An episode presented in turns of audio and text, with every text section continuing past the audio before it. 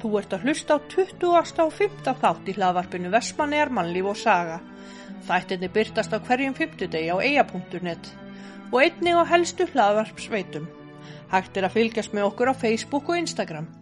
Í dag munum við ræða við Svavar Stengrimsson eða Svabba eins og hann er kallaður um líf hans, fjölskylduna, hvernig lífi var á hans uppvakstarárum og margt fleira. Svabbi er fættur 24. mæ 1936.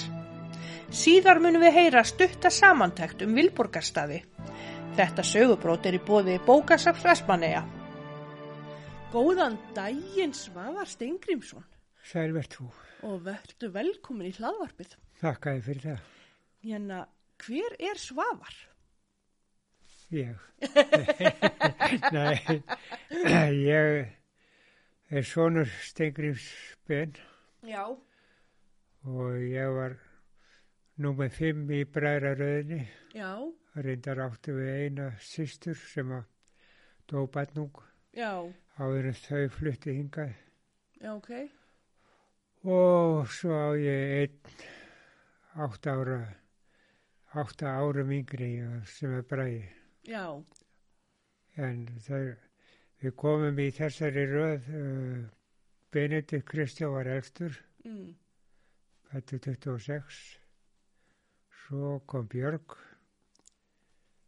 og hún var fætt 28 já, og svo Palli Páttsegur já, 30, svo Jón Helgi, hann fættist 32 já, og dó, eða fórst í flugslýsi eh, 51 hætti með glýðfaksa.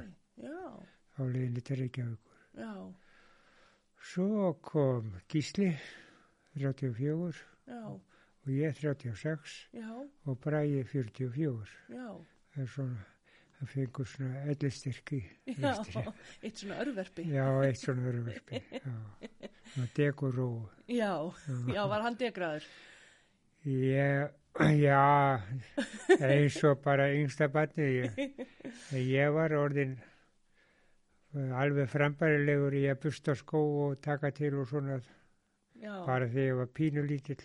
já, Já, þetta- þessi voru, voru nú, eins og ég segi, ég var nú með fimm í rauðinu og, og svo sem var næstur, hann var tveimur árum eldri og svo fjórum og sex og tíu. já, Fyrir það. Ég fekk töl- tölvert að gera í því að bustaskónu og fekk kannski eitt bíó með fyrir eitthvað. já, Fékk smá svona gulrót. Já, já, En hvað hérna, hvernig eru fjölskylduhæðið þínir? mínir. Já, Ég gifti mig 1957 já, uh, 3. ágúst það var sérst í gær já, og það eru 64 ár síðan já, og svo misti ég konuna núna í 5. júni, já, samrykist ef það vinnur. sakkaði fyrir. Hmm. Og þið áttu börn, Við áttum þrjú böt og eigum. já, og eiguð, já, Það, það er Óskar, hann er elstur já, og býr í Garðabænum og giftur önnu díu Erlingsdóttur mm. og svo Höllu já, sem þú veist allt um já, já, býr í næsta húsi, Já, mamma og pappa, já. eða pappa, og hún er gift uh, Gu- honum Óla Einars já, og svo er Stengrimur og hann er giftur Katrínu eða þau búa saman reyndar já, og reka saman tannagnastofu inn á flötum. já, ok, já, hann er svonuðinn, Já. þetta vissi ég ekki. Nú, eh, æ, Nú, ég er alltaf að læra eitthvað nýtt já, samtíð. já, já. Jú, ég, ég, ég get ekki þrætt fyrir hann er fættur 61 Já, en Óskar 56 og Halla 57 já, hann er að, þetta, þetta, þau eru nú ekki fleiri Nei, en svo áttu mörg badnabönn og svo var að bætast eitt badna badna badn við. ég er löngu hættu að tala Þannig að þú ert ríkur maður. já, mér finnst það já. Já. En hérna, hvernig barn og úlingu varst þú?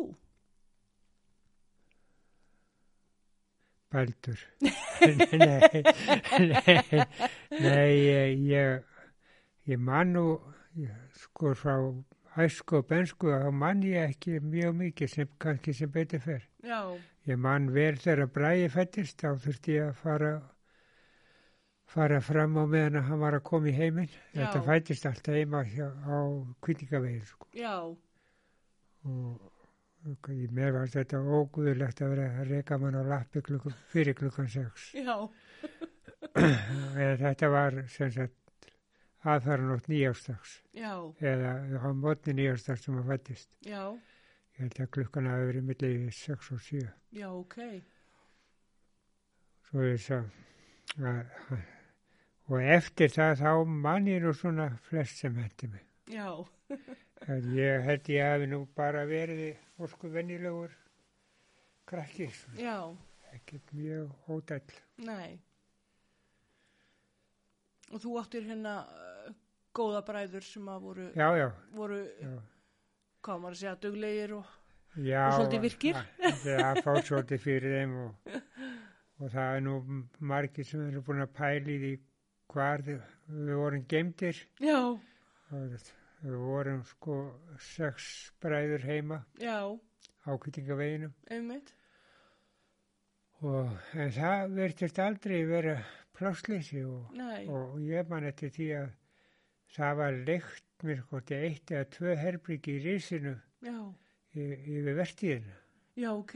og ég man ekkert hvar við vorum þá. Nei, En það var, ég get vel verið að vera út í fjósi bara. já, En það var fjósi á kvítingaviðinum og fjós og hlaða. já, Og tvær kýr já, og svona 20 pútur. já, Þetta var svona sjálfsturta búskapur. já.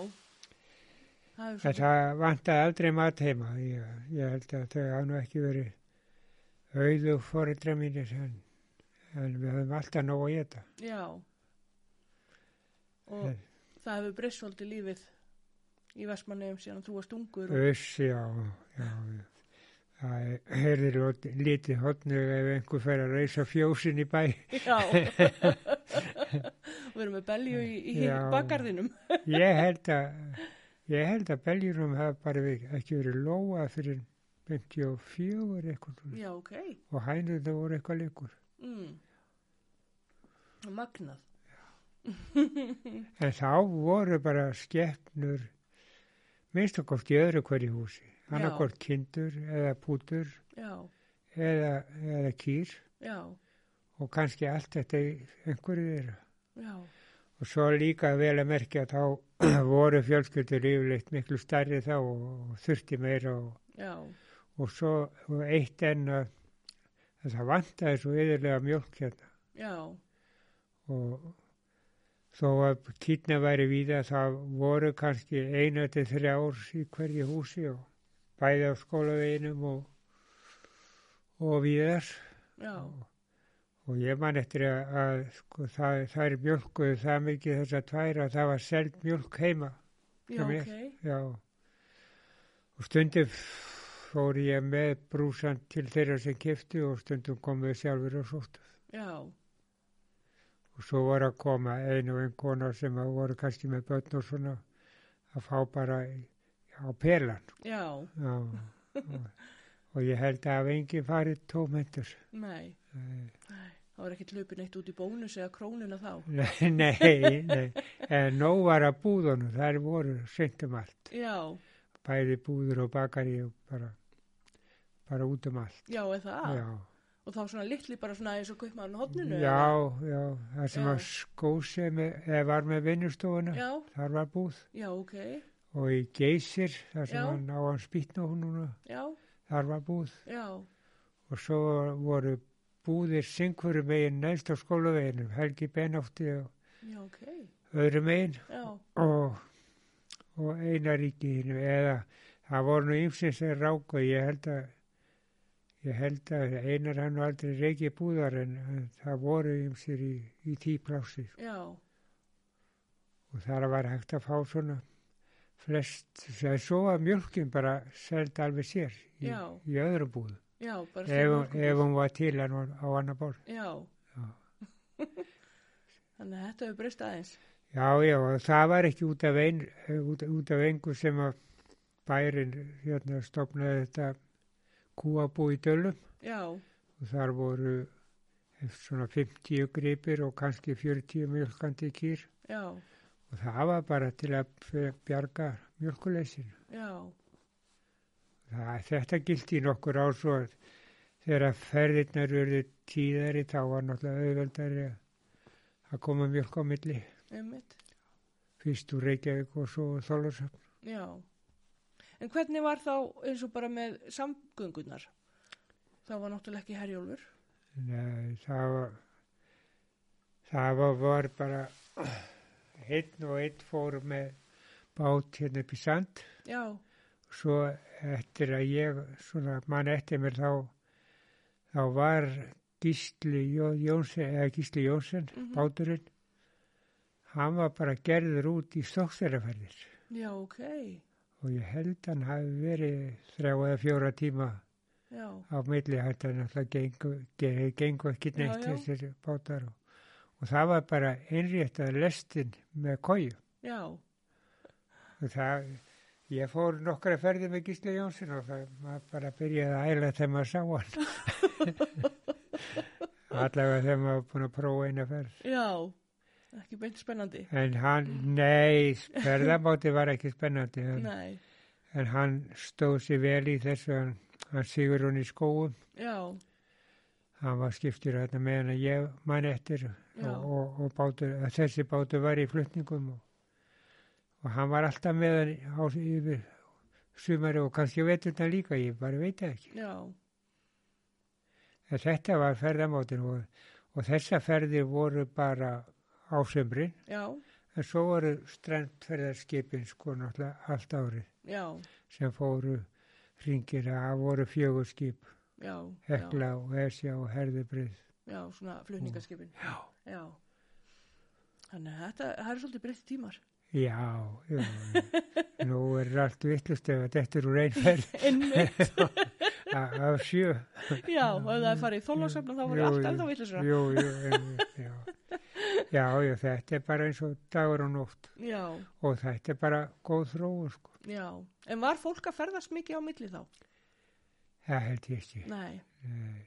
þannig að, Og ég man ekki eftir að, að verið fluttu bíl með, með Gísla Jónsson. nei, En það var eftir með mjölkustöðinni, þeir lögðust í það að koma bílum með borði í hana. já, Þá hérna reynda vonarstjarnan já, Einar hérna, ég man ekki hvað svona hann er, nei, hann áttan og var með hann og, og, og sildi með mjölk og, og farþeg og, og flutning í Já, mörg ár í já. Þólarsam. já. Skemmtilegt. Ég var alveg til í að geta farið í svona, bara svona tímavél og, Já, og fara aðeins aftur í tíman. já, ég hugsa þú væri ekki til ég að stoppa það. nei, kannski aðeins að kíkja bara. Já, já, það er betra. En hvernig fannst þér að alast upp í eigum? Ég þekkt ekki annað Nei, og, nei, og það fór ákvæmlega vel um mig og ég. Já, eina sem að kannski skigði á, eh, maður var svolítið bundin í heiskap á semrin út Já. af þessum tveimur kúm. já, Það þurfti mikið að geta já, og þegar aðrir voru undir lunga busla þá var ég að hegja upp á túnni. já, En þetta var, var bara ljúft líf og í minningunni var alltaf sól og blíða. já, Fór, ma- maður fór í stuttbúrsunar á í mæ já. og, og var í þeim þá hvernig skóli byrjaði Já, í september. já. Og hvernig var skólalífið? Ég var, var nú svona hálfgjörður stuppur, ég, ég byrjaði ekki að stækka fyrir henni fermingu Já, ok. og hef nú aldrei orðið mjög stór. En ég held ég hafi verið nú með þrjú eða fjögur í, í röðinni. Já, Þeir minnstu voru alltaf fyrsti sko. já, Ég var allavega mjög framalega. já, En það háði mér ekkert og ég, ég kostast í gegnum þetta bara eins og hinnis. já. En hérna finnst þér rosalega mikil breyting á lífinu í eigum núna og þegar þú varst ungur? Það er ekkert hægt að líka þess. Nei, það er bara svart og ekki, hvít. ekki neitt. Já. En hvernig finnst þér svona samfélagi vera? hérna, já, bara mjög gott. já, Já, svona yfir höfuð bara mjög ljúft já, og þessir svona, og mér finnst sko fólk hérna halda mjög vel saman og, en kannski ekki eins mikið og var áður. Já, Já. Náttúrulega þetta COVID er búið að setja þetta allt út á spórinu. já, já, og, og fólk veirar sér við að, og, það, og eftir að sjónvarpi kom þá breyttist allt já, því að fólk var að droppa einhvert í öðru bara í kaffi og spjall og svona já, en svo þe- þegar það kom þá datta bara niður já, og þó var ekki mikið að horfa á. nei, nei. Þá einhvern veginn verður það eitthvað meira spennandi. já, Já, þannig að tæknin hún er einmitt, hún er svolítið að stríða okkur. mm, Tæknin er svolítið að stríða okkur svona í lífinu. já, já, hún virkar í tvær átti sko Já, já, þetta er já, bæðið mjög gott og svo getur þetta verið líka já verið mjög slengt. sömuleyti ekki gott Já, upp á svona félagslegu hliðin allavega hana. já, einmitt. En hérna, hvenær byrjar að vinna og hvar? ég bara var smákrakki þá var ég að selja blöð og merki og svona Já, Það fyrsta sem ég fekk borgað fyrir, það var að spranga. mm, Já. Og það var nú Palla að kenna, hann dróð mig þarna inn eftir og já, sprangaði fyrir einhvern Amerikan og ég held ég að við fengið 5 dollara fyrir. já, Og ég varð að skrifa nafnið mitt eða kvitta fyrir því að mætti sína þetta já, og ég man eftir ég að þetta var óttalegt hrafnarsparka, það var bara eins og læknir hefur skrifað það. Eh, en Palli fekk auðrin svolítið, ég hafði ekkert að því að segja. nú, Já, eh, ég hef- mig minnir það ég, já, en það hafði ég ekkert að gera við dólara. já, að geta að fara neitt til útlanda. Nei, nei, nei. En svo eftir það þá allir ég hafi ekki verið kannski 11 ára eða eitthvað svo líf. Mm, Nei, 11 ára var ég sendur í sveit já, ok, og, og gísli bróðum mig líka já, og í Arnarholt uh, í Borgafyrði já, og það var, það var auðlýst eftir svona gemsum og í einhverju blaði eða, eða einhver staðar og við vorum sendir þanga báðir. já, Þetta var uh, góður skóli sko en en Gísla leittist alveg rosalega já, og hann bara undi ekki þarna og svo var dáldi mikil vinnuharka. já, Við komum þarna um miðjan dag með rútu og, og rútan landaði okkur bara við einn kysluna. Það voru svona 200 metrar eða 100 til 200 metrar í bæin sko. já, Og eina sem kom það voru tveir vittlusir hundar og við vorum skítrætti við þá. Svo miklu setna þá kom held ég bóndin sjálfur já, með, með hest og vagn og við vorum báðið með kofost, það vita nú ekki allir hvað það er. já, Það er svona kistur já, sem var, sem var, var búið að gera okkur út með fyrir sumari sko. já, Og daginn eftir voru við vaktir fyrir klukkan sjö já, og Gísla sagt að fara að slá þýfi. Það var svona mjög þýft land þarna næ- næst bænum já, og hann fekk bara orð og ljá og brinni. já, og hann átti að fara að slá hann hafði nú eitthvað hann hafði nú snert orf en eh, hann kunni ekkert að slá sko já, og ég f- fór út í fjósamokk á fjórin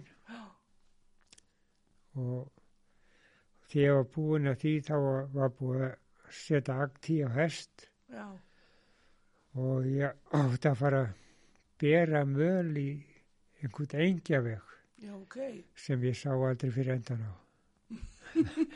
Að ég, það, það, þetta, þetta var svona dýi bara mm, og það var búið að berja hann en það, það seg alltaf niður sko, þetta var svo mikið votlendi já, ok, og ég átti að, að, að leggja veg ofan á þennan veg sem að eitthvað einhverja 15 cm á já, og ein svona hestakerra hún tók, hún dekkaði svona, svona 20-30 cm já, svo, svo, svo, svo þessi kílometra sem ég sá að ég sá að ég myndi aldrei klára þetta já, og ég var bara einn með Já. hestin og ég hafði aldrei stjórna hesti áður já, já, og það voru einhverju kallar sem að voru hérna að vinna í sömu grifju eða námu og, og ég já, þeir mókuðu á, á vagnir fyrir mig já, stundum, ekki alltaf já, já, Mér fannst ég lí- svo lítill og pervisin og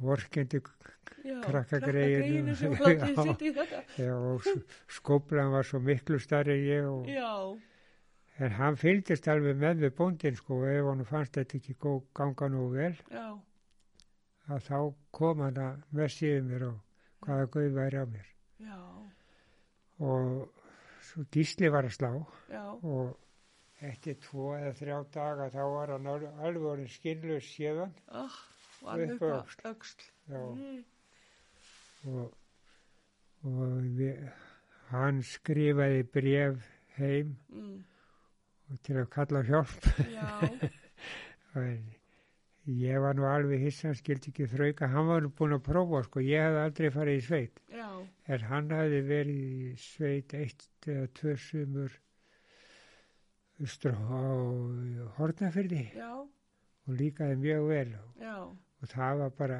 eitthvað allt öðruvísi heldur en þarna. já, Og ég var nú aðalega vorkir einum strák sem að var þarna, ha- ég held að hafi verið fjórir eða fimm krakkar, já, ein kona frá Akranir eða stúlka frá Akranirsi sem var voða góð við okkur og svo var eitt strákur úr Borganesi já, og hann var alltaf skælandi greið já, ok, og hann var svo snjókvítur já, og m- ég, ég sá hann bara þegar hann kom að borða sko. já, og þá var hann í einhverju jarðhísi að brjóta ála og karteflum já, ok, allan daginn og alla dagar að við vorum við vorum akkurat í halva mánu já, þá strukum við já, fórum á puttanu til Reykjavík og já, bara fengur nóg að þessu. Já, já, það var nú aðalega gísli sem að stóð fyrir strókinu þó ég verið nú ekki að kenna honum um. Já, Ég var alveg til ég að kveðja þetta hús líka. já, En húsmóðurinn var mjög góð við okkur og allir, og kallinn var svo sem ágætur. En, já, en þeir fórust í sömu flugjar þessi guðmundur sem var bóndi í Arnarholti já, og bróðum. já, Þá var hann að sækja eitthvað hinga, hann var búin að vera hérna á vertíð. já. Það er Og- svolítið En skrýtum þeir, tilvíðin. þeir fórust þess að í, í sömu flugjar. Já. Það En er svo skrýtum. eftir þetta, svo, svo, þegar að leið á sumari, þá fór ég að vinna í samfélstöðinni. Já, Og fyrsta sem ég gerði þar var að plokka þunnildi. Það veit að ábyggilega enginn hvað það er. þá, þá voru skorinn þunnildin á þoskinu já, og sölduð já, og það er svona svört himna í þeim eða dökk. já, Og það var að naga þessa himnu af til þess að var þetta að selja já, þetta sem mat. já, Og það var gert með ullavetlingu. já, ok. og það, það var hérna þá fekk maður bara vist á körfuna Já, það var svona vírakörfur eh, e Já. e eða táakörfur já, og ég manu ekkert hvað að borga fyrir þetta nei, en það, það var ekki mikið ég fitnaði ekki að því þetta var fyrsta vinna mín hjá, svo var ég meira og minna hjá einar ríka fyr- fyrst á sömrinu já, og svo líka á veturna eftir ég var búið með bandaskólan já. Og hvað varstu þá að gera í honum? Það var ímislegt, ég var bæði flakaði og, Mm? og rauðfletti og barbakka og svo var ég orðin tíkastjóri, það var kallað að ég gerði svona dráttar, Já, Í- ok, lítinn kupp já, og jú, svo gerði ég bíla líka þetta fyrir, fyrir kallið þegar þeir sem gerði og fóri bröðu sér frá. já, Þannig að Ég, svo endaði ég í, í, í fes í gúanónu. já, Þá var það ekki bræðsla, þá var það bara beinamjöls versmiða. Sko. já, já, Svo var það bræðsla sitna, sko. já. Þannig að þú ert búin að upplifa ímislegt. Já, já. En hvernig gekk okkur þegar við strukuð? Fenguð þið far bara í treykjaðugur og, og ekkert vandamál? Jú, þetta, þetta hús er ekkert langt frá, að, ég man ekki hvað sjöppan heitir hún, er- Þannig að baulu eða? Baulu. Já. Já, Við löpum þangað Já, og svo, svo voru bílar að koma á norðan og, og allstaðar að og, og fyrst í bílinn sem við stoppuðum það voru bara tveir í honum og þau, þau vissu hverju við vorum og ætlaði að keira okkur tilbaka. já, ok. Svo við stökkum í burtu og Og já, næsti bíl sem við stoppum, hann keirði okkur í borganes. já, Svo fórum við með, með ég man ekki hvað fossin hétt, það- það sá sem var undan Agraborginni. já, Við Fórum á puttanum þar líka. já, Nei, Við áttum þrjá bræður í Reykjavík þá, þennan Jón sem var fórst með glöðurinni já, og Pall, bróður og, og Bendi. Þeir, þeir eru allir dánir þessi þrý sko. já, En þeir áttu heima hjá frænk okkar og öldugöldu 47. já, og ég rætaði þangað. já. Já.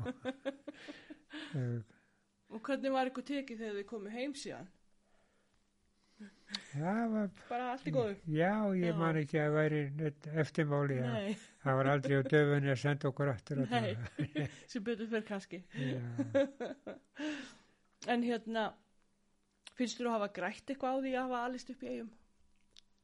Ég hef ekki tapað á því. Nei. Nei, eh, grætt og grætt, ég, ég bara veit það ekki. Nei. Ég hef ekki maður prófað hefur heitt. ekki samanburð. já, já. En hérna, hvernig var lífið hérna þegar þú varst að alast upp?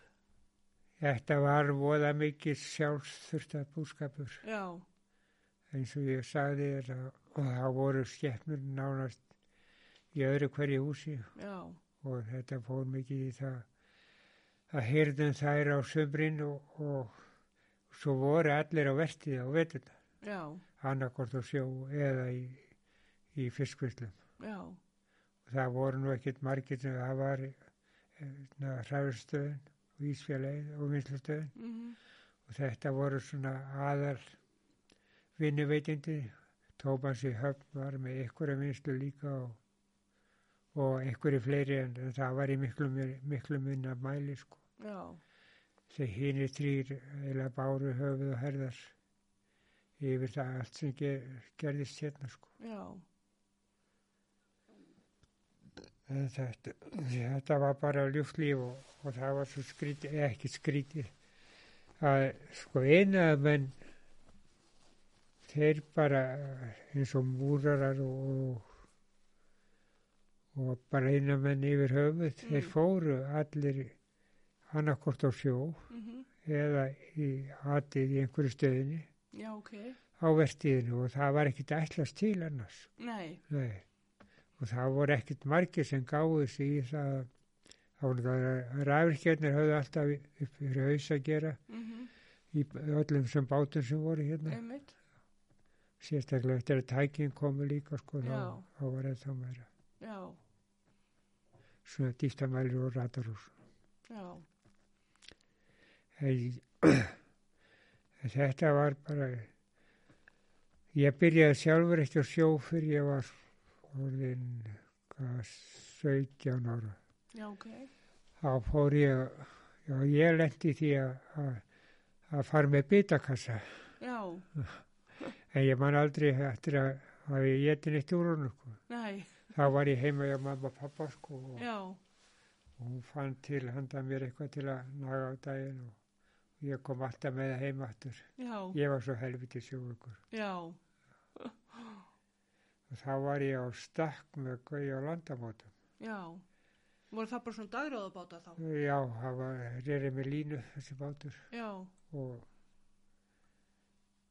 ég manu ekkert hvernig akkur ég fekk þetta pláss en svo fekk ég ígerði í báðar hendurnar aða, og, og blóðitrun og allt og, já, og þá hætti ég, þá var ég búin að vera þrjálf vikur já, og þetta var fyrsta sjóferði mín já, og svo prófaði ég oft eftir þetta og var mist lengi á bátum og ég var alltaf sjófugur já, þetta það var ekki gott. Nei, ég get alveg trúa því. En Það er, já, maður hefur heyrtið mitt nokkra sem að eru á, ennþá á sjó og eru alltaf sjóveikir. Já, Þetta er, já.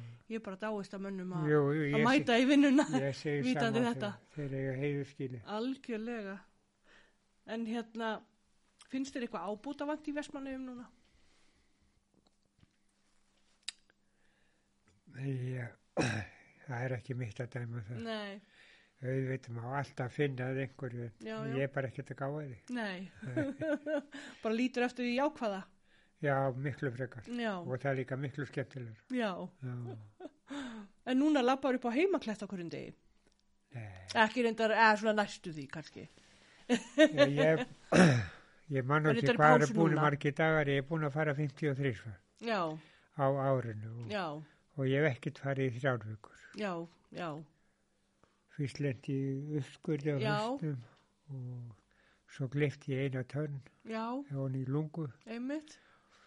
og ég er svona að jafna með þetta. Það er Já. hálfur mánuður á morgun síðan það var tekið. Já, Og svo sem tók þetta, hún sagði að ég- að ég hefði að vera þolinmóður í þrjár til fjóra vikur. já.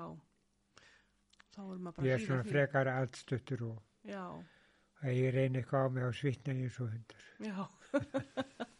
en þú ert hérna duglegur samt að labba upp á fjöll og svona, er það ekki? Jú, ég held það. Já, Ég, ég er búin að vera það í gegnum tíðina. Ég er ábyggilega búin að fara mörg þúsund sinnum upp á heimaklæð. já, Ég tók að saman einhvern tíman áður en ég flutti og hún á Sólíagóttu. mm. Þá tók ég saman, ég hef búin að fara hvað, 3300 sinnum síðan fyrsta bókin var sett upp já, 2003. já, Já, það eru Mm. ansið góða ferðir. Já það, það er hans, ég fór mest uh, 218 ferðir á ári. Já, Ég hef aldrei farið á hverjum degi eins og sumið sig. nei, Nei. ég fór eitthvað um 100 ferðir í fyrra og hitti fyrra. já, Það gerir svona tæplega tvisar viku. já, En ég finnst ég bara hafa gott af þessu. Mér finnst Já. ég alltaf sjá eitthvað nýtt og, já, og ég hef oft sagt að það hefur engi vant af þessu. nei, Ef einmitt, hann er ekki loftrættur. Mm. já. Já. Og svo eru kindurnar farnar að þekka þig. Ha, Svo eru kindurnar farnar að þekka þig.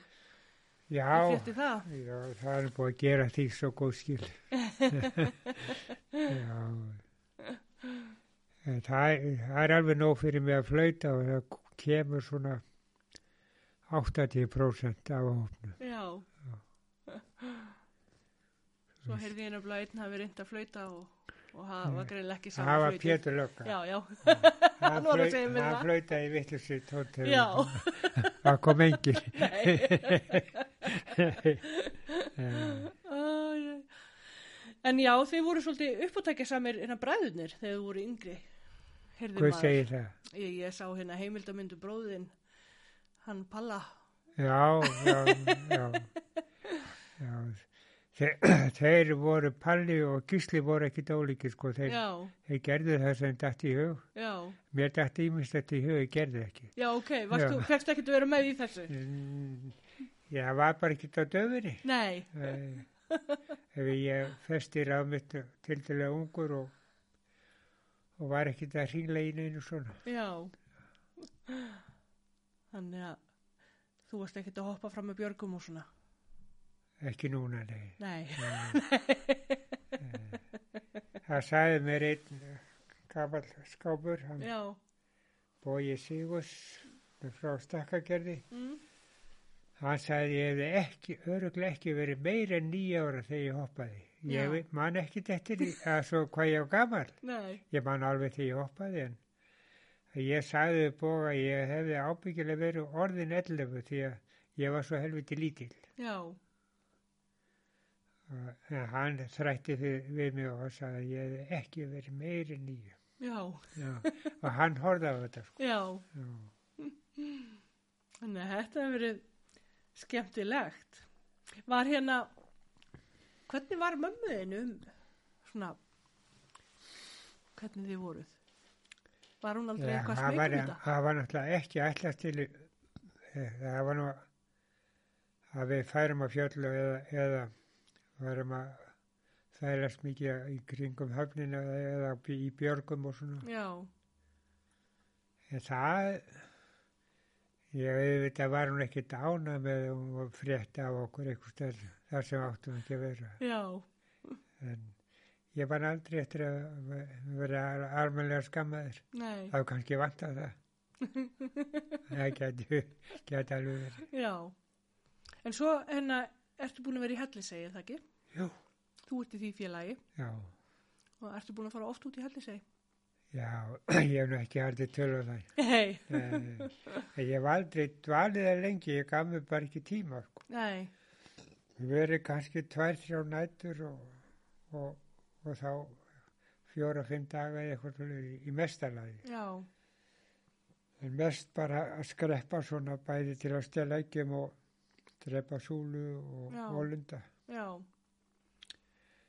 En eh, það var, það var Palli bróður sem að byrjaði að fara í hellu sig, hann byrjaði að fara með einhverjum köllum mm, sem áttu kofan og, og voru orðnir sko, gamlir og, og dánir og allavega. já, já, og og hann eiginlega dagaði uppi þar og við reistum nýja kofa á, í tóttinni þar sem að gamli komið stóð já, og það var 1963 já, og kofin sem að við byggðum hann er, hann er kassi utan af soðkjarnatæki sem kom til eina slíka. já, Það var Óli, Óli Gunnarsson hérna, hann var bæjarteknur, nei, hann vann hjá einar ríka alveg rétt. já, Hann var fórstjóri þar í einhver ár og hann skaffaði okkur þennan kassa og, og við þurftum að kaupa sagablæð til þess að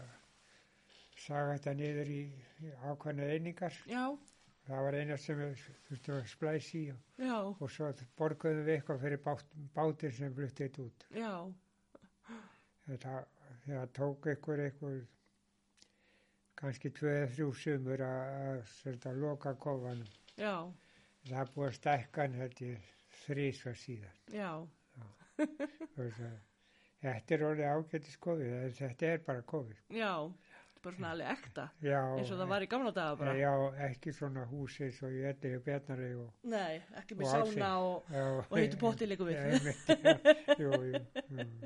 En ferðu út í eigu í dag? Ég fór í fyrra. Já, Þá fórum við með svona spjald til minningar um pallabróðir. já, Fó- Fórum nefnilega í fyrra með öskun á honum og dreifðin þarna í kringum kofan já, og svo fórum við minn, minningarspjald já, sem við settum hjá honum. Eh, Þannig að við eh, nærðum eða festuð í bergið við kofan. já, En Það er síðast að fara mín ánga. já, Ég ætli að fara nokkuð eftir í húsið. já, En það kemur bara í ljós. aldrei að vita. Nei. En hvað gerir þú þið til gamans í dag? Það er aldrei leiðilegt hjá mér. Nei. svona. nei, nei. Svo ég þarf ekkert að gera neitt sérstakt. í- Nei, En ég er með einn fastan punkt á sömurinn að ég, ég er hérna í skórættafélagi já, og skrópa aldrei að mæta þar. Þetta er nú, þetta tekur einn eða tvo mánuði sem sagt, á þrið og já, við erum búin að vera að gróðsetja. Ég byrjaði á þessu fyrir löngu, löngu síðan þegar Elni og Gauja sem að Já. áttu Gaujulund einmitt, þegar þau voru og hétu og þau voru í þessu skóratafjaraði líka já, og við byrjuðum í, í lautinni hérna fyrir ofan skansir. já, Það er komið bara mjög fallega gróður. einmitt, Svo er ég búin að vera gróð síðast í gerð þá var ég að gróðsetja hérna fyrir eh, vestan og sunnan sorpu já, ok,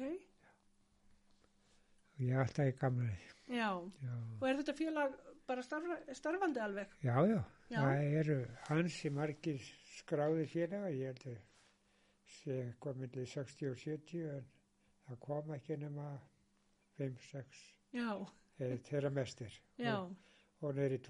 já, En ég hef aldrei, sk- ég, ég held ég hef einu sinni skrópa já, í ykkur 30 ár. Já. Og er það skórettafélag Vestmanneja bara? Já. Já, ok. Þannig að ef ykkur er að hlusta og langar að fara í Þetta, skórettafélag. þetta er eini svona fasti punkturinn á sumri hjá mér. Já. Það er nú alveg bara frábært. En það er mjög gaman að sjá gróðurinn Já, dafna já, hana eins og já. í, í lundinum. Það veist hvað þetta tekur langa tíma. Já. Ég- Mættu vera, ég kom nú ekkert hraðsprettara. í 40 ára að skoða þetta. já. Nei, það er alveg magnað. En hérna, ertu prakkari? Það held ég ekki. Nei, Nei, ekki. þannig að þú ert ekki að gera ykkur prakkarastrygg. Nei, Nei, ég hef aldrei, eða, ég man ekki eftir ég hafa verið í því. nei, En ég hef gaman að prakka alltaf. já, Já, meðan þau eru svona með mein- meiðingan. einmitt, algjörlega. en hérna, ertu með ykkur svona sögu handa okkur svona? Af lífinu bara? Ykkur að grallara Ég sögur? lí- lélegur, lélegur í sögum. Já, Já. Þar var Palli miklu betri. já, Já, hann gætt sagt sögur alveg út í eitt. já. En hvenær fórstu fyrst til útlanda?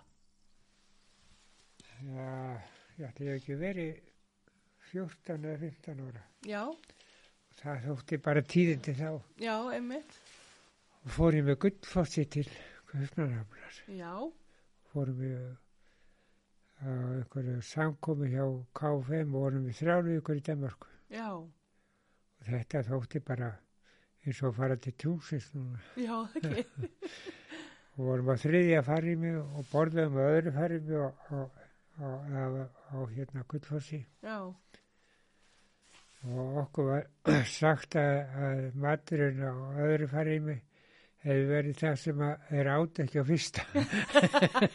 Svo við, ég held að það hafi nú verið lí en að það, þessi saga gekk í skipinu þegar við vorum. já, En Það, þá var komið við í, í Lýð í, í Skollandi já, og svo til Kaupmannafnar. Það var ekki komið í færi. já, ok, Og þetta var mjög eftirminnilegt. Það voru aldrei sjö hérðar sem að fóru. já, og hann farastjóri hjá okkur hann Þorður heitinn meðhjálpari já, hann kom með okkur já. Og var þetta þá bara svona mót sem þið voru að fara á? já, Já. við vorum í tjálpuðum í eina viku svo vorum við að ferðast og sáum alveg ótrúlega margt já, og með þess að komumst við mjög yfir til Svíþjóðar og Já, ok. það er eina ferði mín þáka Já.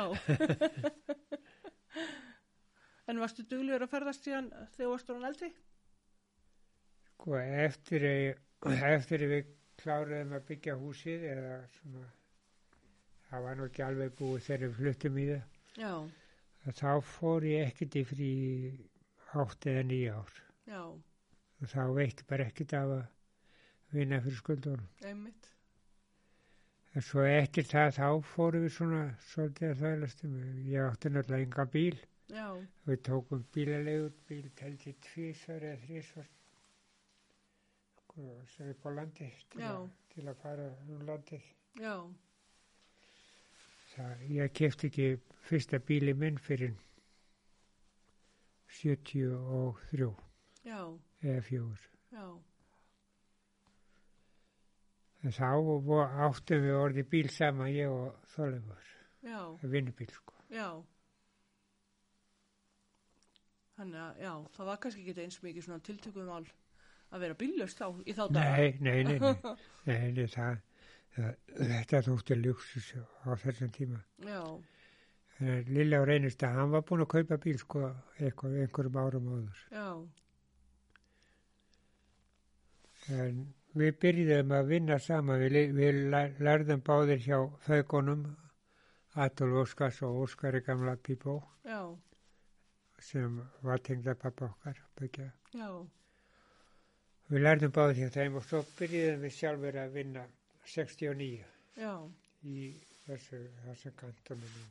já, og vorum að í 27 ár. já, Þá fannst mér bara ekki orði ná að gera og þá var ég húsörður í Hamarskóla. já, En hann held áfram eitthvað lengur hann Lilli. já. Og hvernig fannst þér að vera húsverður? það var bara lærdómskrikt og eftirvinnulegt og ekki liðilegt. Nei, Þetta var illa borgað fyrst þegar ég byrjaði, svo var bara launin orðin alveg frambærilega þegar ég hætti. já, Þú veist að það var, það var bara, ef maður getur svolítið skamta sér vinnuna í svona vinnu, já, hvað maður kaupir af mannum til að gera hlutina. einmitt, Og, en það er ætlast til að maður lægi svona það sem maður kann og getur. já, já, Og svo var þetta líka svona hjálpa krökkunum og já, laglir og rennilós og, já, og keður og hjólum og nefnda. einmitt, Þetta var eins og ég segja og ég á ennþá bara mjög góða vini síðan ég var þar. já, En ég var akkurat í tíu ár þar. já. Þannig að það hefur verið fínt. Já, já. En hérna, ertu mikið að fylgjast með lundanum?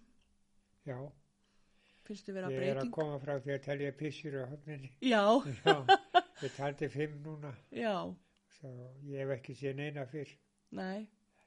Finnst þið þær vera miklu snemma á ferðinni heldur en hefur verið? Já, þær hafa náttúrulega verið rosalega sintúverð. Já, Þær verið að koma alveg fram í oktober, nóver. já.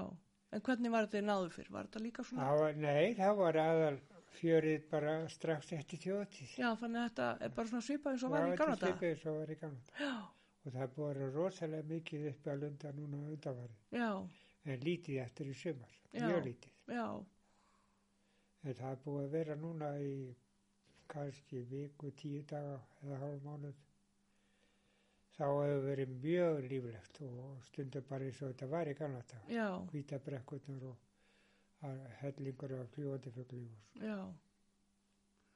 Þannig að þetta er kannski bara alltaf koma upp. Vonandi er þetta eitthvað og það er nú ábyggilega eitthvað sama sem merki í sambandi, sambandi makrílin Já. og sandsílin Já, að það er ábyggilega eitthvað til í því að, að makrílin geti það frá lundana. já, Þó ég geti nú ekki alveg svarið fyrir það. nei, nei, en maður sér það bara þegar að makrillin fer að þá Jú, Þá byrjar að- Gísandi. Æmitt. Þannig að það er spurning. Já. Þetta er ábyggilega nógu til að rannsaka það. Já. Þannig ég ætla bara að þakka þér kellega fyrir að koma í smá spjall og aldrei að vita en ég fá kannski að kíkja að heyri í því að setna ásaki og er eitthvað hálf rám í dag Já, ekki verið neitt verið regjón í kóka þér. Nei, alls ekki, alls ekki Nú fáum við að heyra stutta samantækt um Vilborgarstaði sem er unnin úr heimildum úr bók Guðjóns Ármanns Eyjólfssonar Vestmannegar byggð og eldgós og einni úr greinum á heimasló.is. Þetta sögubrót er í bóði bókasafs Vestmanneja. Hægt er að afla sér upplýsinga á bókasafninu og á heimasló.is.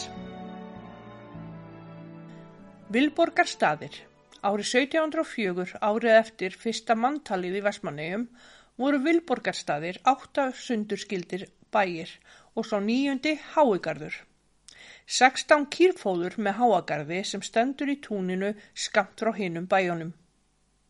Jörðinni fylgdu nýju hjallar á skipasandi og fiskigarðar undir há, eitt húsmannbíli í eyðifallið 1704, tilherði Vilborgarstöðum. Nöfn Vilborgarstaðabæja innbyrðis voru svipuð og á kirkjubæ, en hlaðbær var alltaf í daglegu tali notað um húsin og bæjina sem stóðu í miðri bæjarþyrpingunni. Vilborgarstaðarbæjarnir voru Norðubær, Vestasti, Nyrsti, Austasti, Syðsti og Miðhlaðbær, Miðbær, Austasti bær og Háigarður. Nöfnin voru lítið notuð því alltaf var talað um Vilborgarstaðabæina. Nafn Vilborgarstaða er samkvæmt þjóðsögunni dreyja af nafni Vilborgar Herjólfsdóttur, dóttur Herjóls Bárðarssonar, landnámsmanns sem bjó í Herjólfsdal. Þjóðsagan segir að Herjólfur vildi engum veita vatn úr lindin í Herjólfsdal nema gegn greiðslu. Vilborgu þótti það óréttlátt og Vilborg sem var að skapferli ólík föðu sínum stalst á kvöldin til þess að gefa mönnum vatn úr lindinni. Eftir að skriða eðilaði bæ Herjóls reisti hún sér bæ á Vilborgarstöðum við aðra lind. Þessa lind kallaði hún Vilpu. Síðan segir sagan að Vilborg hafi mælt svo fyrir að tjörnein sem nú er söður undan bænum skildi Vilpa heita og skildi engum verða meint að vatni úr Vilpu þó það væri ekki sem fallegast útlits. Það er sögn manna að vestan til á Vilborgarstaðatúni sé Vilborg grafin og er þar enn í dag kallað Borguleiði. Borguleiði var moldarhól neðst og vestast í túni Vilborgarstaða jarðarinnar. Miðhlaðabæjar, Vastal. Sveitarþing Vesmanea var haldið á Vilborgastöðum fram á 16. öld en þá fluttist það að kvítingum. Kvítingar voru tveir stóri sérkennilegi steinar sunnan við tungarða stakkagerðis. Þeir hölluðu þannig að þeir voru hæstir í norðri um tveir metrar á hæð en hölluðu niður á við til suðus. Steinanir voru gráleitir með mjög ábyrjandi kvítum blettum sem nafn þeirra er dreyið af. Kvítingatraðir var gata sem lá meðfram söður hlið stakkageristúns eftir kvítingum steinunum og kvítingun húsinu. En svo gata heitir kvítingavegur í dag. Fylgjulönd og eignir. Heimaklettur og miðklettur fylgdu vilborgarstöðum en þeir áttu að þóla 40 sögðabeit á samt fugglatekju, slætti og ekkjatöku. Þá voru menn mjög yðnir við að taka fíl úr duftþekju og kampinum. Þang og söl voru tekin úr hörgareyri og af steinunum undir neðrikleifum. Að auki höfðu íbúar beitarleifi fyrir 25 sögði í söðurei, en kirkjubær hafi heimil til 25 sögða í viðbót í söðurei. Klefið, stóra og litla klef til fílatekju og slagna skiptust jáft á milli 12 bæja og voru vilborgastadir meðal þeirra. Í jarðabók Árna Magnússonar frá árinu 1704, árið eftir fyrsta manntalið, segir að á bílunum nýju á vilborgastöðum hafi verið nýju hross, 68 ær, 29 sögðir, 22 lömp, ein gimbur, ein kvíja, geld og 13 kýr. Hver jörð á vilborgastöðum átti eina fílatrossu sem var nokkus konar beltisreipi. Þegar fari var til fíla í dufþekju voru trossurnar nýtta saman í það sem kalla var skollafesti. Þetta var öryggistæki mannana í fílatekju í dufþekju, en það hafa menn verið að farast þar frá landnámi. Fiskbyrgi höfðu vilborgarstaðarbændur í fiskhellum, sem er hamra hirna á hægri hönd þegar farið er inn í herjólstall. Örnefni tengd vilborgastöðum voru mörg. Á miðjum vilborgastöðum var vilpa, vassból bæjarmanna, en þanga var sótt vatn daglega. Vestast í miðhlaðabæjatúninu var borguleiði þar sem vilborg var talinn hafi verið grafin. Tengd þessum tveimur örnefnum var kruksbá, ford spádomur um niðurlót eigamenningar. Norðaustan við vilborgarstaði var milluhóll eða vindkvarnarhóll þar sem einn þryggja kornmilla vesmanega stóð. Önnur hinnamillana stóð á hól norðan stakkagerðis, þar sem samkómuhúsið stendur sem nú hýsir kvítasunukirkuna betel og þar var millnuhól. Hinn síðasta milla var fyrir ofan hraun. Vindmillan á vilborgarstöðum var mest notaða millan. Helgustöðull sem einni var kallað Guðfinnutröppur voru grasi vaksnir grjóthólar sem stóðu norðan við Vilborgarstaði. Nafni er komið að því að Guðfinna Östmann gekk um veginn þegar hún ætlaði eftir vegtróningnum til Vilborgarstaða frá löndum. Brennihóll, einni kallaður Þerrihóll, hann stóð beint í austur af Östubænum sunnan við Dreifdal. Á þessum hól voru litlar brennur tendraðar þegar að póstur var sendur frá Vestmannegjum til lands en þá voru menn á bakka í austurlandegjum sem svöruðu með því að tendra bál þar og öfugt. Þetta var kallað að kinda vita en sá siður er upprunnin í Iljónskviðu hinn í grísku og hefur borist til Íslands með vikingum. Dreifdalur, djúblaut millir milluhóls og brennihóls, nafni er dreigi af því að heitreif fauk ofan í lautina af hólunum í kring.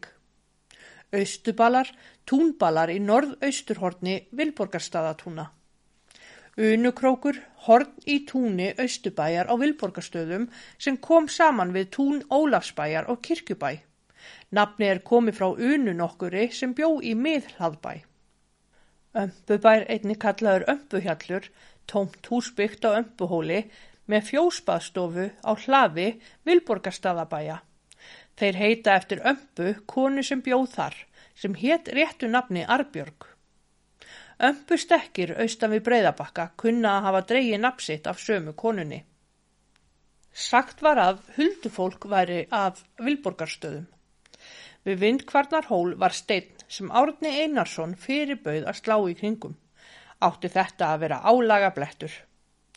Bæir teyndir Vilborgarstöðum, miðbær á Vilborgarstöðum, nisti miðbær, norðubær, austasti hlaðbær, vestasti hlaðbær, litli hlaðbær, mið hlaðbær, austasti bær og háigarður.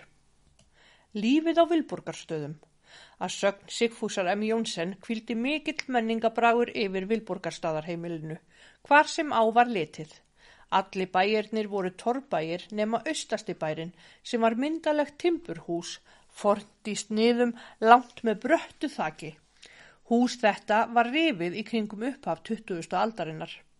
Á tímum Sigfúsar bjó Einar Sigursson hreppstjóri og skipasmiður á Vilborgarstöðum.